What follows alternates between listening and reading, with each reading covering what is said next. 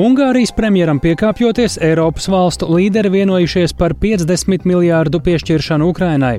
Pēcpusdienas ziņu programmā arī par to, ka zemnieku protestu dēļ Latvijā nākamā nedēļa daudz vietas sāksies ar satiksmes ierobežojumiem. Uz galvenajiem autoceļiem visas dienas laikā operatīvie transporti netiks traucēti, policija ir informēta, pašvaldības ir informētas. Saima atbalsta bargākus sodus par satiksmes noteikumu pārkāpumiem, un no šodienas par iebraukšanu jūrmalā jāmaksā 3 eiro turklāt visu gadu. Par to visu plašāk raidījumā pēcpusdienā kopā ar mani Tāli Eipuru.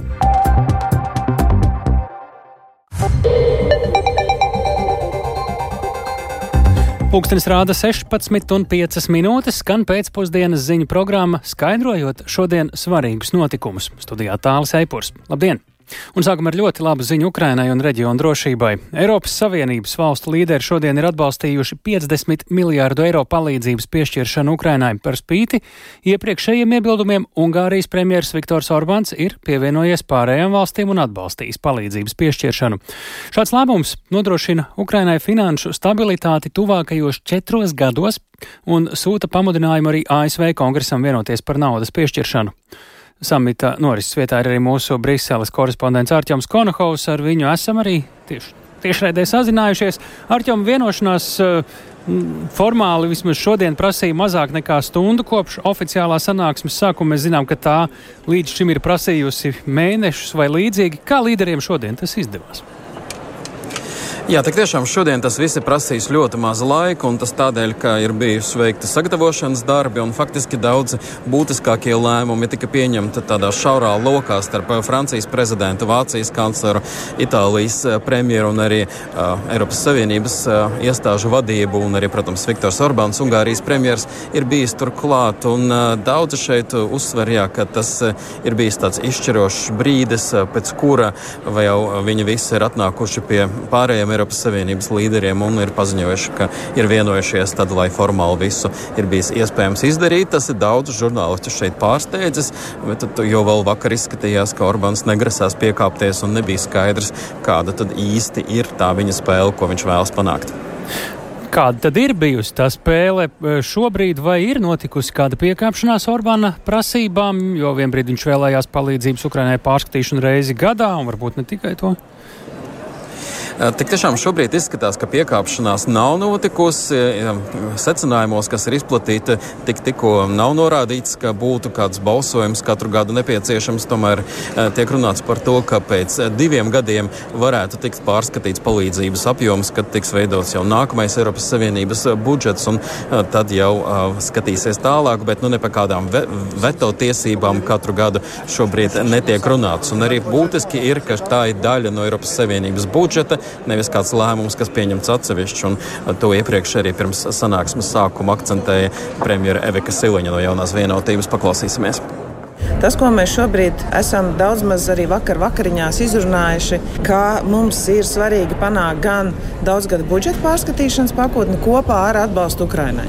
Jo atbalsts Ukrainai ir ārkārtīgi svarīgs, bet skaidrs, ka arī migrācijas jautājumi, robežu drošība arī tikpat svarīgi daudzām dienvidu valstīm, Itālijai, Grieķijai. Un mēs to saprotam. Tāpēc mums noteikti ir svarīgi, lai tā pakotne iet kopā. Tātad samits ir tik, tikko noslēdzies, burtiski pirms pāris minūtēm, un tagad mēs gaidīsim arī jaunāko informāciju un preses konferenci no līderiem. Paldies Arķimam Konakovam detaļas. Tātad par to vēl visticamāk uzzināsim vairāk vēlāk. Tikmēr Ukrainā un arī Latvijā cīnās ar Krievijas kara noziegumu sekām. Lai izgaismotu Krievijas īstenoto Ukraiņu bērnu deportēšanu, kā arī runātu par palīdzību nolaupīto bērnu atgūšanā un par vainīgo saukšanas pie atbildības. Rīgā notiek starptautiska konference Krievijas karš pret bērniem. Konferencē klātesot arī Ukrainas prezidenta kundzei Olenai Zelenskai, ekspertiem, amatpersonām. Tā līdzi sekoja kolēģis Uldis Česbergs. Sveiks, Uldi! Pastāsti, kas līdz šim ir izskanējis un secināts konferencē. Jā, labdien! Nu, vispirms jāpaskaidro, kāpēc šī konference vispār notiek. Nu, saskaņā ar Ukrainas oficiālajām aplēsēm uz Krieviju vai Baltkrieviju ir deportēti ap 20 tūkstošiem bērnu, taču patiesais skaits varētu sasniegt, eh, sniegties pāri 200 tūkstošiem. Bet eh, līdz šim ir izdevies atgūt tikai aptuveni 400 bērnu, un tāpēc Ukraina pievērš pasaules uzmanību, lai atgūtu visus aizvestos bērnus un sodītu arī Krieviju. Un konferencē ievadvārdus teica Latvijas prezidents uh, Edgars Rinkēvičs, kurš cer, ka šis pasākums palīdzēs apvienot uh, Krievijas izšķirtās Ukraiņu ģimenes. We are here to help Ukraine to end Russia's aggression against Mēs esam šeit, lai palīdzētu Ukrainai izbeigt Krievijas agresiju pret Ukrainas bērniem, lai pārtrauktu nelikumīgās Ukraiņu bērnu deportācijas un piespiedu pārvietošanas, lai meklētu veidus, kā apturēt šīs zvērības un atgādātu bērnus atpakaļ. Tie nav tikai vārdi, tās ir apņemšanās, ko Latvija kopā ar vairāk nekā 60 valstīm ir apņēmusies saskaņā ar starptautisko koalīciju Ukraiņu bērnu atgūšanai. Ukrainian children. Jaunu konferences dar, eh, dalībniekiem ar savu pieredzi dalījās arī vairāki bērni, kuri saskārušies ar dzīvi okupētajās teritorijās vai bijuši deportēti uz Krieviju. Un viens no viņiem bija bērnis Ivans no Mariupoles, eh, kad aptuveni mēnesi pēc pilna apmēra iebrukuma sākuma Ivans kopā ar vecāko brāli un vēl diviem draugiem mēģināja pamest okupantu ieņemto pilsētu. Eh, puišus apturēja Krievijas karavīri un varam paklausīties, kas notika tālāk. Они угрожали нам оружием, если еще раз будет такая выходка или такое действие, если вы куда-то пойдете без разрешения, никому не скажете. Viņi mums draudēja ar šaujamieročiem un teica, ja vēlreiz būs tāda rīcība, ja jūs kaut kur dosieties bez atļaujas, tad būs lielas problēmas. Tāpēc mums nācās doties atpakaļ. Mūs aizveda pret pašu gribu. Manam 19 gadus vecajam brālim jautāja, vai viņš vēlas doties ar mani tur, kur mēs bijām plānojuši. Mēs ar brāli aprunājāmies un vienojāmies, ka būs labāk, ja viņš dosies uz Ukrainas kontrolēto teritoriju. Tas bija pareizs lēmums, jo tur, kur vēlāk aizveda mani, viņu galvenais mērķis bija savākt pilngadīgos ukraiņu puišus un nosūtīt uz fronti cīnīties pret savu tautu. Jā, un šodien konferences ietvaros notika arī vairākas paneļa diskusijas, un divas no tām bija veltītas jautājuma politiskajiem un juridiskajiem aspektiem. Un bijušais valsts prezidents Egils Levits, kurš ir arī zināms kā starptautisko, attie, starptautisko tiesību speciālists, sacīja, ka pašlaik vēl tiek ievākti pierādījumi par Krievijas pastrādātajiem kara noziegumiem Ukrainā, jo bez spēcīgiem pierādījumiem nav iespējams saukt vainīgos pie atbildības. This war is a Šis ir visvairāk dokumentētais karš pasaules vēsturē. Otrais pasaules karš un citi kari nebija tik labi dokumentēti. Otrais solis ir izmeklēšana, balstoties uz iegūtajiem pierādījumiem. Startautiskā krimināla tiesa savas izmeklēšanas sāka veikt 2022. gada martā, neilgi pēc pilna apmēra iebrukuma sākuma, balstoties uz aizdomās par genocīdu un citiem kara noziegumiem. Viens no genocīda veidiem ir kādas etniskās grupas iznīcināšana. Tas attiecas arī uz ukraiņu bērnu rusifikāciju un ukraiņu identitātes iznīcināšanu. Tāpēc šis noziegums tiek izmeklēts atsevišķi no citiem kara noziegumiem. Jā, un vienā no diskusijām piedalījās arī Eiropas parlamenta deputāte Sandra Kalniete, kura pati ir dzimusi izsūtījumā Sibīrijā. Viņa norādīja, ka Krievijas aizvestos ukraiņu bērnus būs grūti atgūt, kamēr turpināsies karš Ukrainā. This will truly become possible only once Ukraine achieves victory. Therefore, we Tas būs iespējams tikai tad, kad Ukraina sasniegs uzvaru, tāpēc mums, Ukrainas tuvākajiem draugiem, ir jāredz plašāka strateģiskā aina. Rietumi ir 25 reizes spēcīgāki par Krieviju, un tiem ir ekonomiskais spēks atbalstīt Ukrainu, lai tā uzvarētu karā. Ja visas NATO un Eiropas Savienības dalībvalstis atbalstam Ukrainai atvēlētu ne mazāk kā 0,25% no iekšzemes koprodukta, Ukraina uzvarētu. 5% of their GDP, Ukraine would prevail. Jau noslēgumā piebildīšu, ka konference vēl turpinās, un pašlaik notiek arī paneļa diskusija, kurā spriež par to, kas tiek darīts un ko vēl var darīt, lai atgūtu bērnus no Krievijas vai Baltkrievijas, un kā arī palīdzētu tiem bērniem, kuri jau ir atgriezušies. Bet nu, konferenci noslēgs diskusija, kurā runās par um, iespējām saukt Krieviju pie atbildības. Paldies, sakām Uldim Ķeizberim. Turpinām par Ukrainu. Pirmoreiz vēsturē Ukraina pārdzīvo ziemu, izmantojot tikai un vienīgi paši savu gāzi. Tā šonadēļ pavēstīja Ukrainas premjers Denis Šmihaļs. Plašāk par to no Ukrainas ziņo Latvijas radio korespondente Indra Sprānce. Ukrainas premjeras Denis Šmihais šonadēļ pavēstīs, ka Ukrainai izdosies šoziem saviem spēkiem pārvarēt ziemu un iztikt bez gāzes importa. Līdz pat 2015. gadam Ukraina gāzi importēja no Krievijas. bet pēc Krimas okupācijas šis process tika apturēts. Un pēcāk Ukraina iepirka papildus gāzi no Slovākijas un Polijas tirgotājiem. Taču šogad, par spīti pilna apmēra iebrukumam un Krievijas nemitīgajiem centieniem iznīcināt enerģētikas infrastruktūru, Ukraiņiem pirmo reizi varētu izdoties izdzīvot apkursu sezonu ar pašiem savu gāzi. Turpina Ukrainas premjers Denis Šmihais. Mēs izdzīvojam šo apkursu sezonu pirmo reizi Ukrainas vēsturē, izmantojot tikai pašu iegūto gāzi. Vēlos uzsvērt, ka Naftogaz Ukraina un valsts uzņēmums Ukragaz ir palielinājuši kopējo gāzes iegūvu par 11%. Tāpat ir atvērti jauni gāzes urbumi diezgan lielam apjomam. Šobrīd mūsu glabātuvēs ir tuvu 10 miljardiem kubikmetru gāzes, un mēs patiešām ejam cauri šai sezonai, izmantojot tikai Ukrainā iegūtu gāzi. Lai palīdzētu Ukraiņas iedzīvotājiem pārvarēt šo otro pilnu apmēru kara ziemu, valdība ar likumu arī noteikusi liegumu komunālo pakalpojumu piegādātājiem paaugstināt cenas gāzes, siltā ūdens un siltuma apgādes pakalpojumiem. Tie ir pakalpojumi, kas tiek nodrošināti pašvaldību līmenī, un valdība sola pilnu atbalstu vietvarā, lai tās necelt esošos tarifus. Valdība arī par 25% palielinājusi summu, kas tiek izmaksāta pabalstos iedzīvotājiem. Tiek aplēsts, ka atbalstu varētu saņemt ap 3 miljoniem cilvēku, un kopumā tam atvēlēta summa, kas līdzvērtīga 1,2 miljardiem eiro. Tomēr, salīdzinot ar pilnu apmēru kara pirmo ziemu, izdzīvošanas apstākļi maznodrošinātajiem Ukraiņiem šajā sezonā ir kļuvuši skarbāki. Janvāra vidū valdība atcēla aizliegumu pārtraukt komunālo pakalpojumu sniegšanu patērētājiem, kuri kavē maksājumu veikšanu. Šis moratorijas tika ieviests Krievijas pilna apmēra iebrukuma pirmajā ziemā 2022. gada martā. Toreiz liels skaits ukraiņu pameta valsti, un valdība aizliedz aprēķināt un iekasēt sodu naudas par novēlotu vai nepilnīgu komunālo pakalpojumu apmaksu. Tāpat tika noteikts aizliegums atslēgt pakalpojumus komunālo maksājumu parādniekiem. Tagad moratorijas saglabāts attiecībā uz tām teritorijām, kurās joprojām notiek kara darbība, vai tās šobrīd atrodas okupācijas karaspēku kontrolē.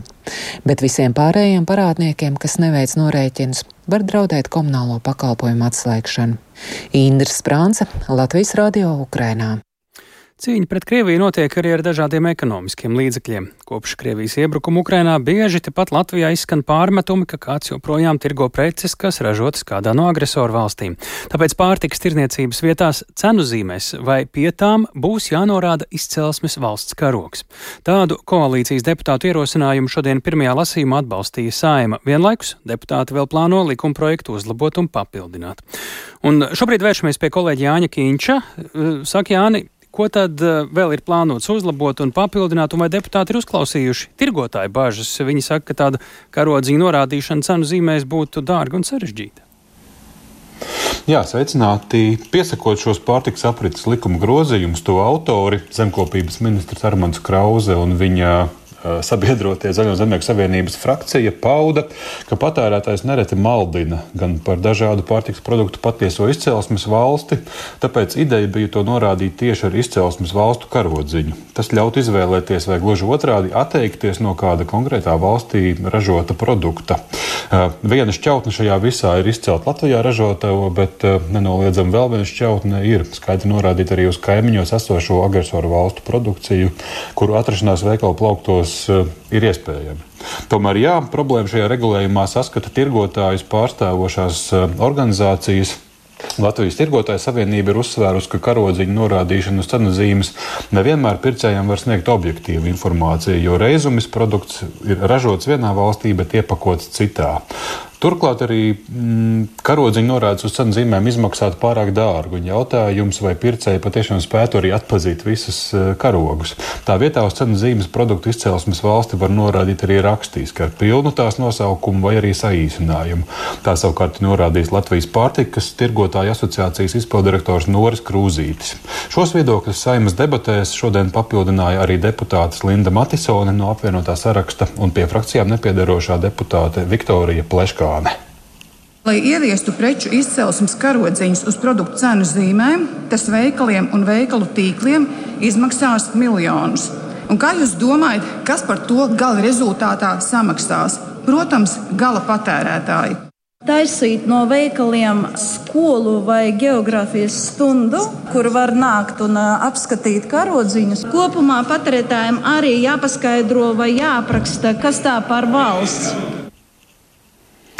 Un par spīti šai kritikai, kam līdzīgi pauda arī vēl vairāki deputāti, par likumprojektu pirmajā no trīs lasījumiem nobalsoja 58, pret bija 18, bet, at, bet atturējās 12 eh, saimnes deputāti. Taču to, ka regulējums ir jāpadara vienkāršāks, atzīst, atzīst arī viens no tā iesniedzējiem - Zaļo zemnieku savienības frakcijas deputāts Valdis Maslauskis. Lūk, arī viņa teiktais. Mēs jau visi vēlamies, lai mūsu patērētājs, lai mēs, kuriem katrs patērētājs ienākot veikalā, neapstulbtu uz to, ka mēs redzam reizeknes piensaimnieks iepazīstinājis piens. Nu, nav jau tā desmitiem gadu. Un tad maziem burtiņiem tur mikroskopiski ir izcelsme vai ražotājs. Par to ir jādiskutē. Un kā tur teica speciālisti, cilvēks izvēlas lētāko. Es piekrītu, ka tas ir atkarīgs no cilvēka maciņa, bet ja mums būs redzama skaidri un graiši produktu ražošanas valsts, un produkts maksās no eiro līdz eiro 50, un tas Latvijas karodziņš būs pie eiro 20, esmu pārliecināts, ka liela daļa iedzīvotāju tomēr izvēlēsies to eiro 20. Bet, ja tas nebūs redzams, viņš, protams, automātiski ies un pirks to pa eiro. Nu, lūk, saimā vēl divos lasījumos šos likuma grozījumus turpinās apspriest, un tas notiks jau februāra vidū, un, kad paredzams, tad izmaiņas tiešām būs. Tālāk. Paldies, eh, tik tālu Jānis Kīncis, bet uh, no šodienas jūrmalā par iebraukšanu ar auto jāmaksā 3 eiro, turklāt visu gadu. Savukārt būs bargāki sodi par rupjiem satiksmes noteikumu pārkāpumiem. Šie un citi temati Latvijas radio radījumā pēcpusdiena turpmākajās minūtēs.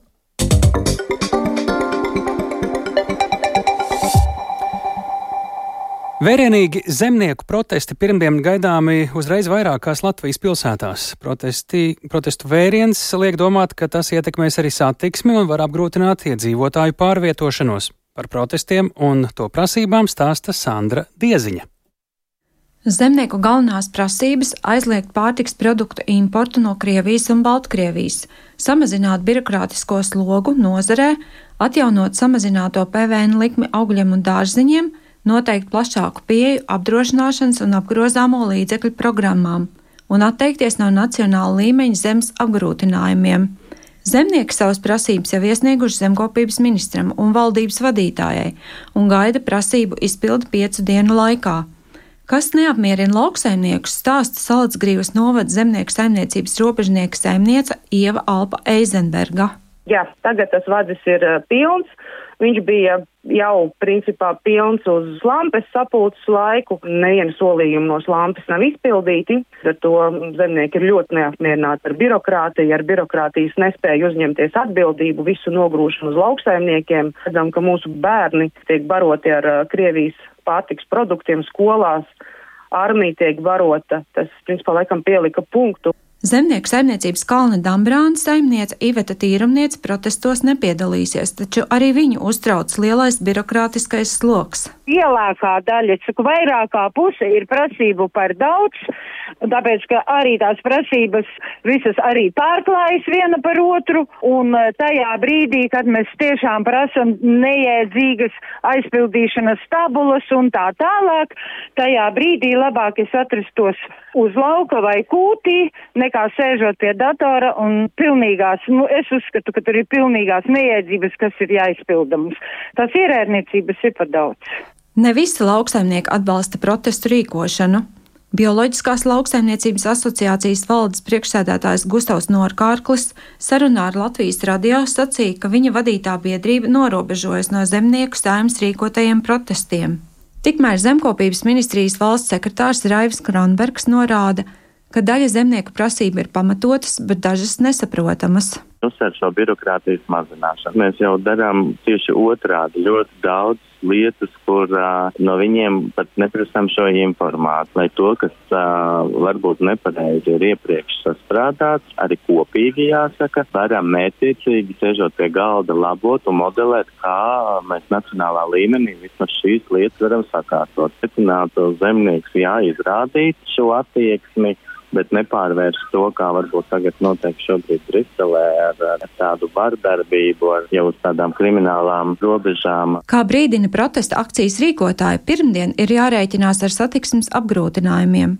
Turpina robežnieku saimniece Ieva Alpa Eizenberga. Sākotnēji bija paredzēts, ka dodās uz Rīgu, tomēr reģiona lauksaimnieki uzstāja, ka viņi grib priekšpusteni pirms Rīgas, tātad reģionālas akcijas, pirms tam veidot tādēļ, ka reģiona lauksaimnieki teica, ka viņi grib savos reģionos iziet vispirms. Ar ko jārēķinās tiem iedzīvotājiem? Ar apgrūtinājumiem satiksmē uz galvenajiem autoceļiem visas dienas laikā no pulkstens 11 līdz pulkstens 5 atsevišķās vietās līdz septiņiem. Operatīvie transporti netiks traucēti, policija ir informēta, pašvaldības ir informētas. Kā noprotams no lauku saimniekiem, ja viņu prasības netiks izpildītas, viņi ir gatavi braukt uz Rīgu.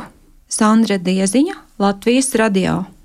Bet nu par citu pārvietošanās ierobežojumu braukšanai ar automašīnu jūrmalā no šodienas par iebraukšanu ar auto ir jāmaksā 3 eiro. Turklāt tā turpmāk būs visu gadu, nevis tikai vasaras sezonā, par ko līdz šim bija jāmaksā arī mazāk - 2 eiro. Pašvaldība šādi vēlas mazināt satiksmes intensitāti un cer, ka iedzīvotāji vairāk brauks ar sabiedrisko transportu un elektroautorātu kā jauno kārtību vērtē autovadītāji un vai tas neapdraud, piemēram, pilsētas mazos uzņēmumus. Plašāk Viktora Demīdo reportāžā.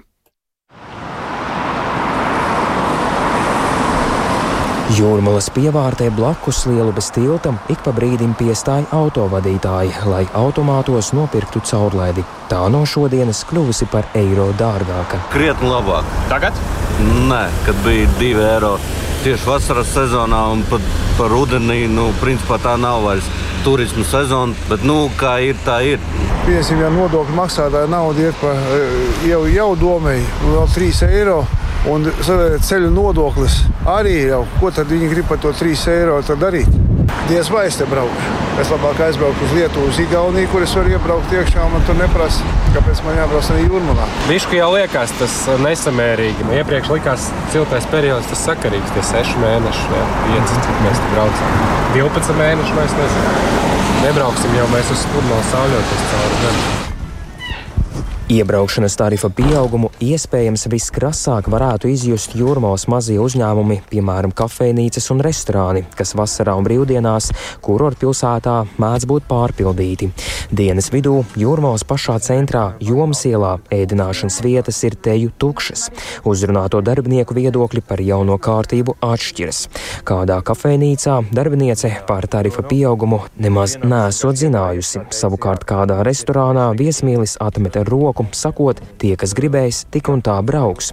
Turpretim krogā, kas pastāvot jau 35 gadus, darbinieks atzīst, ka klientu skaits var sarukt. Ziemas periodā, kā jau mēs redzam, jums jau vispār ir uh, pustukša, cilvēki jau saprot, ja maksā 3 eiro būs ieeja, tad uh, viņi vēl mazāk būs nebrauks vienkārši dienas periodā. Nu, tas vasarā, saprotams, 3 eiro būtu normāli, bet nu, dienas periodā droši vien nebūtu tas. Bulduru tirgu uzrunātās augļu un dārziņu pārdevējas uzskata, ka jaunā kārtība viņu klientu skaitu neietekmēs. Tas nav labi, ka tā visu gadu jāmaksā tie 3 eiro. Cilvēki tāpat brauks, bet visi cilvēki ir šokā par to. Es domāju, tāpat vienalga mēs ko gaidām. Mēs gaidām turismus, jā, kurš būs vasarā. Jā, un Tāpat tā visi pārējie tā ir mūsu, kur šeit dzīvo. Savukārt uzņēmumu organizācijās viedokļi dalās. Piemēram, Latvijas Tirzniecības un Rūpniecības kamerā nedomā, ka caurlaides tarifa kāpuma dēļ uz jūrmulu brauks mazāk cilvēku. Turpretim Latvijas mazo un vidējo uzņēmumu asociācijas biedrs Jānis Ratnieks uzskata, ka jūrmalas domas lēmums biznesu pilsētā pasliktinās. Situācijā, kad tomēr tautai naudas līdzekļu nav lieki Es domāju, ka uh, braucēji iegriezīsies mazāk, manuprāt. Es gribu iekonomēt šos 3 eiro. Visticamāk, es uh, dienas ēdīšu kaut kur slokā vai tālāk. Pērn par dienas un ilgtermiņa caurlaidēm iedzīvotāji samaksāja 2,7 miljonus eiro. Šogad doma lēš, ka budžetā saņems vismaz divreiz vairāk jeb aptuveni 6 miljonus eiro. Jāatzīmē, ka tarifs no šodienas ir pieaudzis tikai dienas caurlaidēm. Jūrmalniekiem iebraukšana pilsētā joprojām ir bez maksas. Viktors Demidovs, Latvijas radio. Un vēl viens stāsts, kas var ietekmēt autovadītāju maciņus - bargāki sodi par rupjiem satiksmes noteikumu pārkāpumiem. Tām saimā šodien tika teju vienbalsīgs deputātu atbalsts. Skatot satiksmes likuma grozījumus, otrajā lasīmā nolemts, ka būs lielāki naudas sodi, ja atļautais braukšanas ātrums būs pārsniegts par 60 km/h un vairāk. Vienlaikus debatas izvērtās par to, vai naudas sots nosakāms arī par nelielu atļautā braukšanas ātrumu pārsniegšanu. Par plānotajām izmaiņām sodu piemēram piemērošanā Jāņa Kīņša ierakstā. 71% autovadītāju ārpus apdzīvotām vietām Latvijā pārsniedz atļautu ātrumu. Eiropas valstu vidū Latvija izceļas negatīvā gaismā. Pērn Latvijā reģistrēti vairāk nekā 42 tūkstoši satiksmes negadījumu, un tajos bijuši 148 bojā gājušie. Liela daļa problēmas ir arī ekstrēmi braukšanas ātruma pārkāpēji, un tādiem sagatavoti bargāki sodi. Par ātrumu pārsniegšanu no 61 līdz 70 km/h likumā paredzēto naudas sodu dubultos, un tas būs no 720 līdz 960 eiro. Kā arī būs liegums izmantot autovadītāju apliecību 9, nevis 6 mēnešus, kā likumā paredzēts pašlaik.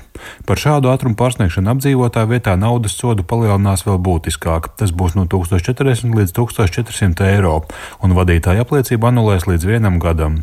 Vēl ilgāku laiku no autovadītāja apliecības būs jāatvadās, ja ātrums tik būtiski būs pārsniegts ar kravas auto vai valkot piekabi. Savukārt gadījumos, kad atļautais braukšanas ātrums būs pārsniegts vairāk nekā par 70 km/h, naudas sods būs līdz 2000 eiro ar autovadītāju tiesību anulēšanu līdz trijiem gadiem.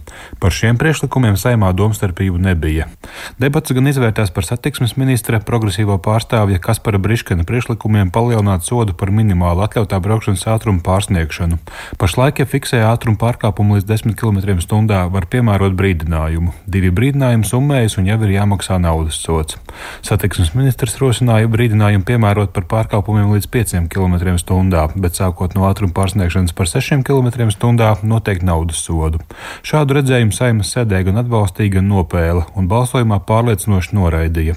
Lūk, ko par to teica progresīvo frakcijas deputāts Edmunds Cepurītis, Latvija pirmajā vietā pārstāvis Edmunds Ziltiņš un apvienotā saraksta deputāts Māris Sprindžuks. Priekšlikums to risina samazinot to regulāro un ierasto ātrumu pārsniegšanu. Samazinot vidējo ātrumu, samazinās negadījumu skaits un samazinās bojā gājušo skaits. Šis arī ir nepareizi, ka šie 5 km/h atkal mēs dodam kaut kādus pielaidus. Ceru, ka satiksmes ministrs nāks ar priekšlikumu no 1 km. ir jābūt atbildībai. Šis virziens sodīt pie 5 km ātrāk ir nu, totāli nepareizi. Tā ir greiza ideja. Jebkuru ceļu padarot šaurāku, mašīnas brauc lēnāk, var veidot dažādu veidu barjeras, līkumus, pacēlums, zebras, kas ir piepaceltas un tā tālāk. Sodi tā ir vakardiena, tā ir padomju savienība. Mums no tā ir jāiet prom. Likumā paredzēts arī citas izmaiņas. Ja ar fotoradaru vai citiem palīgu līdzekļiem fiksēs, ka kāds auto brauc bez obligātās civiltiesiskās apdrošināšanas, sodu par to piemēros reizi diennaktī, bet ceļu satiksmes drošības direkcija deleģēs uzdevumu vadītājiem par to paziņot. Kāpēc tapis šis priekšlikums, stāsta saimnes juridiskās komisijas vadītājs Andrēs Judins no jaunās vienotības. Šaubu nav, ka ir svarīgi, lai cilvēki, kuri izmanto tādus transporta līdzekļus, būtu sodīti jautājums, cik reizes viņus vajadzētu sodīt. Un mēs saņemam informāciju par gadījumiem, kad cilvēks neapdrošināja transporta līdzekli, aizmirsa varbūt kādu citu iemeslu dēļ, varbūt cita persona izmanto, un viņu varbūt trīs, četras reizes pat dienā fiksē tādus pārkāpumus, un pēc tam prasa, lai viņš par šo vienu dienu samaksātu trīs vai četrus sodus. Informāciju par pārkāpumu persona saņem brīdī, kad eh, jau pieņems lēmums par sodīšanu, un pēc pusotras nedēļas saņem informāciju, ka viņam izdarīti 5, 6 pārkāpumi. Tur maksimālais sots 350 eiro par katru pārkāpumu. Ceļu satiksmes likuma iespējams papildinās ar vēl kādām izmaiņām, kas iesniedzamas līdz februāra vidum. Saimā šīs likuma izmaiņas vēl skatīs trešajā lasījumā. Jānis Kincis, Latvijas Radio. Bet nu par nozari, kur dažreiz ir jābrauc pat ļoti ātri. Gatavība, rīcība, dzīvība. Ar šādu vadmotīvu neatliekamās medicīniskās palīdzības dienests ievada savu jubilejas gadu. Šodien aprit 15 gadi, kopš Latvijā ir izveidots un visā valstī darbojas vienots neatliekamās medicīniskās palīdzības dienests.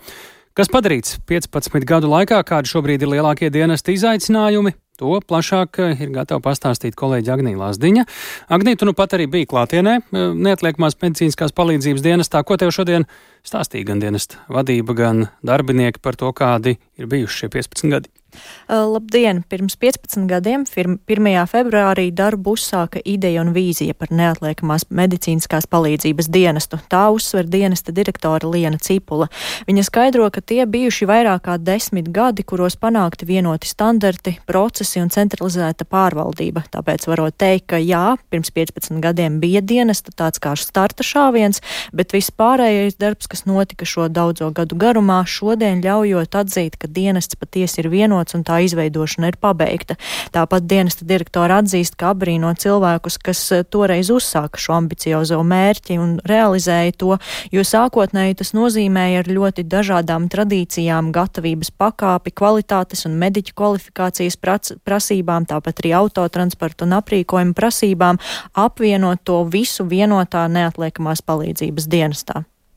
Tas nozīmēja definēt skaidrus standartus, kas var strādāt brigādēs, kas brigādes vada, kādas mašīnas ir uh, nepieciešamas, kāds aprīkojums ir katrā brigādē. Uh, vēl viens milzīgs izaicinājums bija vienotā uh, zvanu centra izveidošana, vienota izsaukuma pieņemšana, visa šī digitalizācija. Tā kā tas sākums tika vairāk likti akcenti uz tieši medicīnisko palīdzību, medicīniskās kvalitātes celšanu un vienotu prasību veidošanu. Tātad vienota dienesta izveidošana no idejas par to, ka valstī ir vienots dienests. No, līdz tam, kā tas ir šodien, tas bija ārkārtīgi daudz un sarežģītu pasākumu kopums. Paralēli vienotu dienesta veidošanai esot bijis arī izaicinājums mainīt gan nozares, gan arī visas sabiedrības kopumā domāšanu par neatliekamās medicīniskās palīdzības dienestu, kam tas ir paredzēts, kā tas strādā un ko tas nozīmē. Un šobrīd gan sabiedrība esot kļūsi krietni apzinīgāka par to arī liecinot izsaukuma skaitu mazināšanās. Cipule uzsver, ka, lai gan ar sabiedrību jāstrādā nepārtraukti, tomēr cilvēki ar vien vairāk atpazīstot situācijas, kad palīdzība ir neatliekama, tostarp arī pašiem cilvēkiem ir lielāka vēlme sniegt pirmo palīdzību pirms mediķa ierašanās. Bet eh, runājot par dienesta darbiniekiem un to darba vidi, tad, protams, laika gaitā viss ir pilnveidojies un uzlabojies, kā piemēram aprīkojums, kas eh, šo gadu laikā ir ļoti mainījies. Un ja vispirms esot bijusi orientēšanās uz izsaukumu izpildi un pacientu vajadzībām, tad jau vairākus gadus strādā pie darbinieku labbūtības jautājumiem, proti veicinot drošību izsaukumos, nodrošinot veselības aprūpas pakalpojumu pieejamību darbiniekiem, tāpat arī psiholoģisko atbalstu un daudz ko citu. Un es aprunājos arī ar pāris mediķiem, un kā stāsta neatliekamās medicīniskās palīdzības dienestā ārsta, intensīvās terapijas brigādes vadītāja Laura Pula, kas dienestā strādā jau 13 gadus, tad kopā ar kolēģiem priecājas par dienesta attīstību, to starp šī jubileja esot tāds kā atskaites punkts vēl nākamajiem 15 un nākamajiem 15 un vēl daudziem gadiem uz priekšu, kuros dienas turpinās attīstīties. Tāpat viņi uzsver, ka strādājot dienestā patīk tā misijas apziņa, ka ir iespēja cilvēkam būt kā tādam eņģeliskajam faktoram, jo palīdzību spēj sniegt uz vietas. Man patīk ļoti, kā man viena jaunā doktora teica, ka teica, tā misija glābt cilvēku dzīvības, tas visiem ir skaidrs. Reanimācijas, pārējais, viss tāds, bet saglabāt. Piemēram, ja mēs neaizbrauktu, tad cilvēkam kādreiz ir pēc neatliekamos gadījumos. Iespējams, ka tā dzīvības nu, tāda līnija arī aprautos. Mēs pēc tam varam aizvest uz slimnīcu. Jā, lidotā. Aizvedam uz slimnīcu un tā tiešām noturam to dzīvību. Ja ne savā etapā, tad pēc tam slimnīcas etapā. Un tā misijas apziņoja. Jā, nu, jūs nu, pat šajā citātā arī dzirdējāt, kā mēdīķi izsauc izsaukumā paralēli viņas stāstījumam, un nu, šodien jau vienu no redzamākajām dienesta funkcijām tad veids 100, 196 mediķu brigādes, kas ikdienu visā valstī izpilda ap 900 izsaukumus. Savukārt, ja runājam par dienesta turpmākajiem izaicinājumiem, tad lielākoties tiesot saistīti ar vēl lielāku un labāku gatavību ārkārtas situācijām, gan plānošanas, gan resursu ziņā.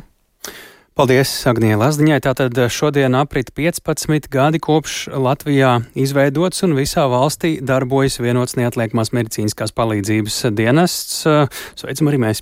Bet bezprecedenta situācija sporta nozarē. Tā apgalvo Latvijas Olimpiskā komiteja vēstulē valsts prezidentam Edgaram Rinkēvičam. Iemesls - neviena sporta federācija, joprojām tagad ir februāris jau, šogad nav saņēmusi valsts budžetā paredzēto bāzes finansējumu. Tāpēc federācijas kavē maksājumus, sportisti aizņemas naudu privāti, bet Olimpiešu sociālā fonda pabalsts sporta veterāniem šomēnes var kavēties. Izglītības un zinātnes ministrija mierina, ka viss nav tik traki, un arī federācijas piekrīt situāciju līdzīga bijusi arī gadu šajā laikā. Vairāk par šo tēmu jau to daļu pastāstīt gatavs ir un skaidrot kolēģis Mārtiņš Kļavnieks. Sveiks, Mārtiņ, kāpēc um, tad ir tā, ka federācijas vēl um, nav saņēmušas valsts finansējumu? Sveiks, tāls, sveicināt arī radioklausītāji. Tas saistīts ar to, ka tagad ir mainīta kārtība, kā vispār tiek eh, piešķirta valsts nauda, respektīvi, kas tad to sadala federācijām. Tagad tas ir centralizēti, to, to dara no šī gada sākuma izglītības un zinātnes ministrija, līdz tam to darīja Latvijas Olimpiskā komiteja, Latvijas Sporta federācija padome, un eh, ministra kabinets eh, oficiāli to pieņēma tikai 9. janvārī, un pēc tam arī, protams, oficiāli tas bija jāizsludina šī jaunā kārtība. Nu, tad līdz 22. janvārim janvārim federācijas varēja iesniegt savus pieteikumus um, finansējuma pieprasījumiem. Aptuveni 90 vai pat vairāk federāciju to ir izdarījušas. Tagad uh, tiek izskatīti šie pieteikumi. Tāli. Jā, Mārtiņ, uh, vai situācija tad tiešām ir tik traka un bezprecedenta un nepieredzēta, kādu raksturo Latvijas Olimpiskā komiteja, ja jau nu pat dzirdējām, ka tāda faktiski mēdz būt diezgan regulāra un vienlaiks arī nu, neizskatās arī pēc sakārtotas sistēmas ministrijā tas? Viennozīmīgi piekrīt, ja sistēma nav sakārtot, ja federācijas vēl gadu otrajā mēnesī nezina, cik viņiem būs naudas un kad tā eh, ienāks viņu kontā, bet eh, varbūt sākumā paklausīsimies, ko tad vispār eh, saka Latvijas Olimpiskās komitejas prezidents Jānis Buks par šo situāciju. Neizdarība, manuprāt, ir maigākais termins, ir maigākais vārds, kā varētu raksturot šo situāciju. Šī ir bezprecedenta situācija. Tas ir vairāk mēs tiešām gribam informēt un vērst uzmanību uz šo absolūti kritisko situāciju, kāda ir šobrīd nozarē. Tālāk Jānis Buks, Latvijas Olimpiskās komitejas vadītājs. Nu, jāsaka tā, ka mm, Loks to, ja Latvijas Olimpiskā komiteja to devē par bezprecedenta situāciju, bet tieši tā tālāk, kā jau tu saki, gadu no gada tā ir bijis, un tad, kad pati Latvijas Olimpiskā komiteja dalīja naudu, tieši tā arī bija, ka vēl februārī federācijām eh, naudas nebija. Tālāk. Ko tad uh, Olimpiskā komiteja saka, kā tam visam būtu jādarbojas, lai tas darbotos? Ja tā ir teikt, uh, respektīvi, ko vēlas Loka? Jā, nu var noprast, ka šī publiskā retorika tāda ir, lai nu, kaut ko mainītu un virzītu uz labu. Skaidrs, ka vispirms vēlas, lai šī nauda tagad tiktu pēc iespējas ātrāk piešķirta, un otrkārt, lai šī sistēma tiktu sakārtot. Tāds arī ir Latvijas Olimpiskās komitejas vēlmes, bet, jā, nu, ja par izglītības un zinātnes ministrijas viedokli, tad ieklausīsimies, ko savukārt saka ministrijas sporta departamenta pienākumu vadītāja pienākumu izpildītājs Jūras Zīvarts par šo visu. Šobrīd mēs izvērtējam šos pieteikumus, tādā termiņā mēs šobrīd iekļaujamies. Nu, ja raugamies uz nākamo gadu, tad eh, šis iesniegšanas termiņš būs vēl agrāks. Nu, tas ir 10. janvārs. Ja, nu, tad, protams, arī nu, automātiski arī ātrāk mēs varētu piešķirt šo budžeta finansējumu. Līguma slēgšana iepriekš notikusi februāra mēnešos. Nu, tā kā nav tā, ka mēs eh, nu, tiksim, atšķirās no iepriekšējā gada. Droši vien, ka tas varētu būt februārs. Jā, nu, precīzi datumu šobrīd vienkārši baidos nosaukt. Tālāk Juris Zīvarts, izglītības un zinātnes ministrijas pārstāvis. Tālāk. Nu, un ko saka naudas saņēmēji vai šajā gadījumā šobrīd vēl nesaņēmēji pašas federācijas, kā tas tās ietekmē, tiek galā vai tā krīze ir nebijusi? Jā, apzināju, paspēju apzināt divas federācijas, Latvijas Vieglatlētikas eh, Savienību un Latvijas riteņbraukšanas federāciju. Abas diezgan vienot viedokli pauž, eh, ka tieši tā, iepriekš tā jau ir bijis. Pie tā būtībā ir pierasts, ka naudas februārī un varbūt pat arī martā vēl nav, bet tā tam nav jābūt. Ieklausīsimies, ko saka Latvijas Vieglatlētikas Savienības vadītājs ģenerālsekretārs Dimitrijs Miļkevičs. Pārbaudīju vakardien, kā pēdējos trīs gados mums ir gājis ar valsts finansējumu saņemšanu un, un principā no loka nekad ātrāk par uh, 25. februāru nav bijis divreiz martā, divreiz 25. februārī. LSTP finansējums vienmēr bija martā. Tā kā šī situācija nav nekāda mums jauna. Mēs bijām daudz lielākā krīzē iepriekšējos gados. Panikas celšana droši vien saistīta varbūt ar ko citu. Tātad federācijas ietaupa gada beigās un uh, mēģina pēc tam izdzīvot gada, nākamā gada sākumā. Bet lūk, ko saka Latvijas riteņbraukšanas federācijas ģenerālsekretārs Toms Marks par situāciju. Es uzskatu, ka šī trauksmes celšana pati par sevi nekas slikts nav. Jautājums vienkārši ir par uh, to, vai kāds to vēlēs uzklausīt, un, ja vēlēs, tad attiecīgi vai ir gatavs arī uz nākotni sakārtot, lai nebūtu šādas situācijas, ka finansējumu mēs tik tiešām uzzinām marta sākumā, kā tas ir bijis nereti iepriekš. Tas jau viss atsaucās uz plānošanu, tas viss atsaucās uz sportistu startu organizēšanu, galu galā tas atsaucās arī uz kvalificēšanos tajām pašām Olimpiskajām spēlēm. Tādā ziņā es saprotu Olimpiskās komitejas pārģis tieši šajā sakarā. Tālāk Latvijas Riteņbraukšanas federācijas ģenerālsekretārs Toms Marks. Nu, Mārtiņ, kas tad šogad vēl dažos vārdos, kad tad federācijas varētu to naudu saņemt? Kā jau izglītības un zinātnes ministrijas pārstāvis sacīja, nesola vēl konkrēts datums, bet nu, februāra beigas, marta sākums. Noteikti tas arī varētu būt, kā jau tas ir ierasts gadu no gada arī iepriekš bijis, bet jāuzsver, jā, ka tagad naudu dala ministrija un ka nākotnē arī ministrija vēlas, jā. lai tas notiktu saulēcīgāk. Paldies Mārtiņam Kļaviniekam. Rīt no rīta programmā Labrīt Latvijas radio viens stundā pēc septiņiem mūsu studijā būs par sportu atbildīgā izglītības un zinātnes ministra Anda Čakša un arī sporta finansējums būs viens no sarunas tematiem. Šis bija ziņu raidījums pēc pēcpusdienu. To veidoja Tāls Eipurs, Lauris Zvejnieks, arī Renārs Šteimanis un Ernests Valds Fjodorovs. Tiekamies rīt pēc ziņām 4 un 5. Yeah.